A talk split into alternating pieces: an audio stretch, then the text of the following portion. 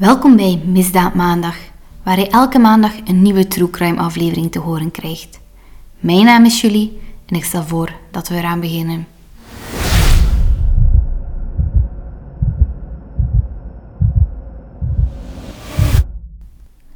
Kim en Ken. Twee doodgewone namen die we nooit zullen vergeten.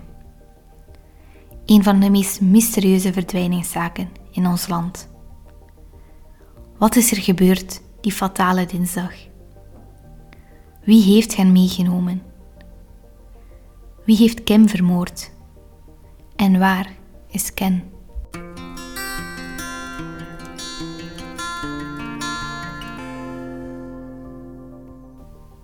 Op 2 februari 1982 wordt de 17-jarige Tini Mast voor de eerste keer mama. Ze beviel van een dochtertje en noemde het meisje Kim. Het huwelijk tussen haar en de papa van Kim was van korte duur. En vier maanden na de geboorte van hun dochtertje scheidde het koppel. Niet veel later trouwde Tini opnieuw en ook deze keer werd ze zwanger. Op 26 juli 1985 beviel ze van een zoontje, Ken. Kort na de geboorte van Ken scheidde en hertrouwde Tini opnieuw. En uit dit huwelijk werd haar zoontje Axel op 7 november 1992 geboren. Kim en Ken waren twee vrolijke kinderen die net zoals hun leeftijdsgenootjes graag bij hun vriendjes gingen spelen. Dat is ook wat ze gingen doen die fatale dinsdag. Op 4 januari 1994 verlieten Kim en Ken hun huis in Borgerhout. Ze worden voor het laatst gezien bij het verlaten van de tram aan het Schijnpoortweg. De twee gingen die avond bij hun vriendjes blijven logeren.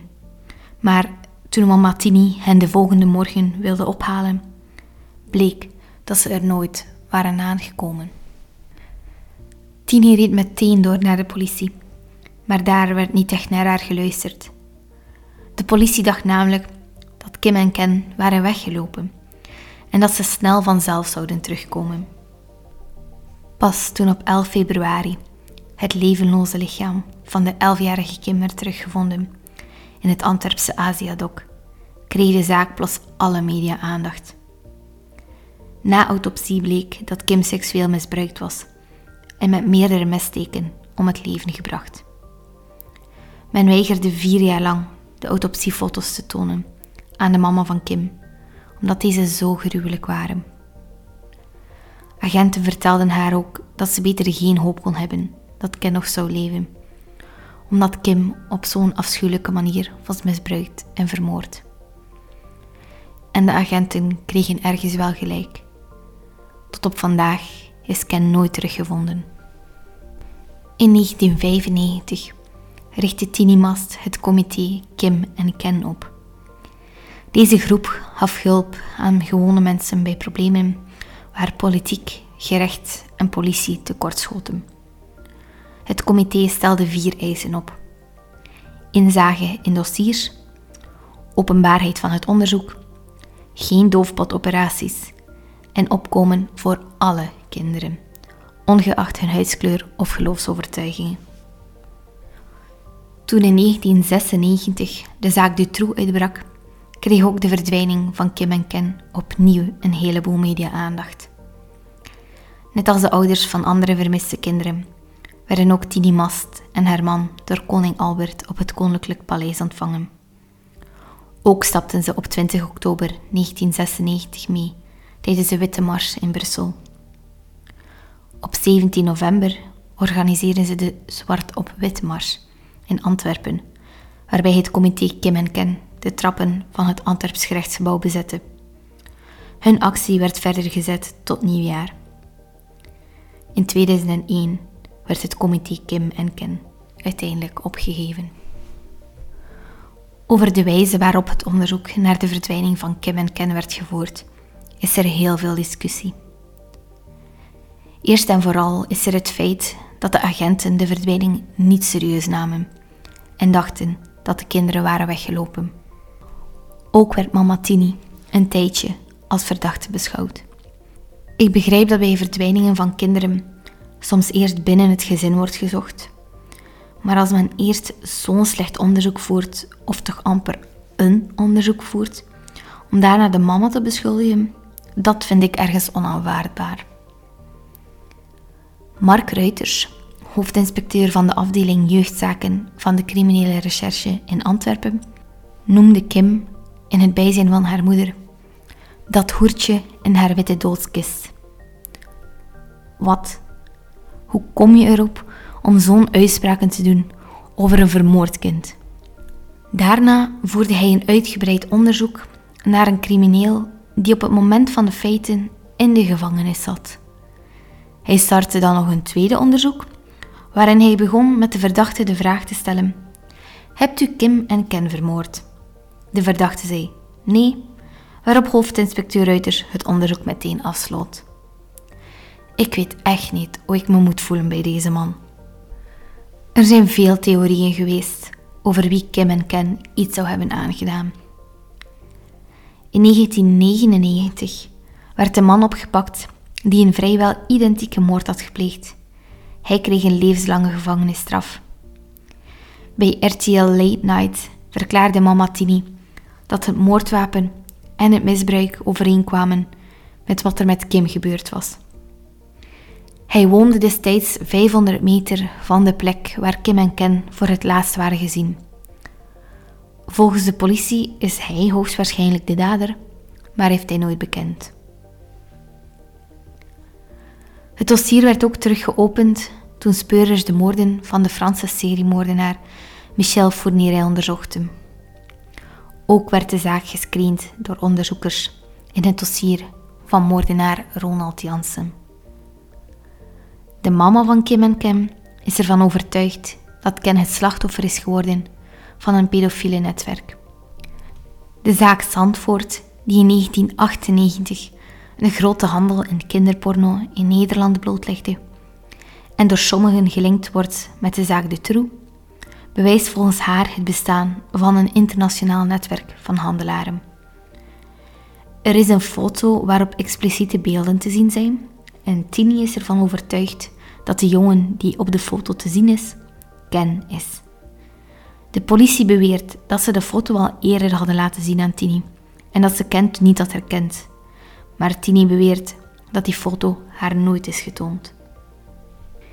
Hieraan gelinkt heb je dan ook nog de moord op de 15-jarige Katrien de Kuiper, die op 17 december 1991 verdween. Dus nog voor Kim en Ken verdwenen. Zes maanden na haar verdwijning werd ze doodgevonden. Katrien werd voor het laatst levend gezien terwijl ze de bar Les Routiers verliet. Die bar ligt in Aziadok, vlakbij de plaats waar het lijk van Kim werd gevonden. En op de bovenverdieping van dit café bevonden zich destijds de bureaus van Xkiss, een pornobedrijfje dat gelinkt wordt aan de zaak Zandvoort. En op de foto's die in beslag genomen worden naar aanleiding van deze zaak, was niet alleen Katrien de Kuiper te zien, maar meende de moeder van Ken ook haar vermiste zoon te herkennen. En op dezelfde plek, vlakbij de studio X-Kiss, waar Katrien verdwenen was, werd twee weken na de ontdekking van het lijk van de vermoorde Kim door een onbekende de trui van de vermiste Ken neergelegd. Een laatste piste, die bijna volledig uit de publiciteit is gebleven, leidt naar Steve Tange. Eind jaren 70 werd hij voor het eerst veroordeeld wegens mishandeling van minderjarigen. En vanaf 1996 zit hij in een gesloten inrichting in Merksplas na de ontvoering van een negenjarige meisje. Tange woonde in Antwerpen, vlakbij de woonplaats van Kim en Ken. En vanuit Merksplas schreef Tange wanhopige brieven, onder meer naar zijn ex-vrouw.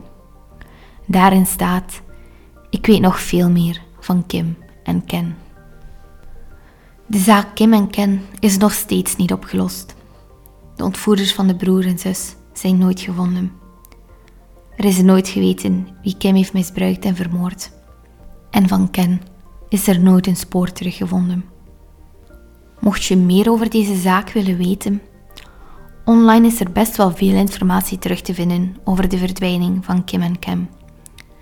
Het is natuurlijk een iets oudere zaak, dus je moet het vooral met krantenartikels doen, die pas later zijn geschreven ter, ter nagedachtenis en die vertellen over wat er toen is gebeurd. De mama van Kim en Ken heeft ook een boek geschreven over de verdwijning van haar kinderen. En het heet Altijd op zoek, mijn alfabet voor Kim en Ken. Dus mocht je geïnteresseerd zijn in de zaak en in het standpunt van de ouders, kan je gerust dit boek eens lezen. Ik wil deze aflevering van de podcast graag afsluiten met het herinneren van Kim en Ken. Kim, die op een gruwelijke wijze om het leven werd gebracht en waarvoor er nooit gerechtigheid is gekomen. En Ken, die nooit is teruggevonden. De ouders van Ken leven tot op vandaag in de onzekerheid of hun zoon al dan niet nog in leven zou kunnen zijn. Op vraag van de mama van Ken werd hij in 2014 officieel overleden verklaard. Ik hoop dat we ooit antwoorden te weten krijgen over wat er die fatale dag is gebeurd en dat er eindelijk gerechtigheid geschiet.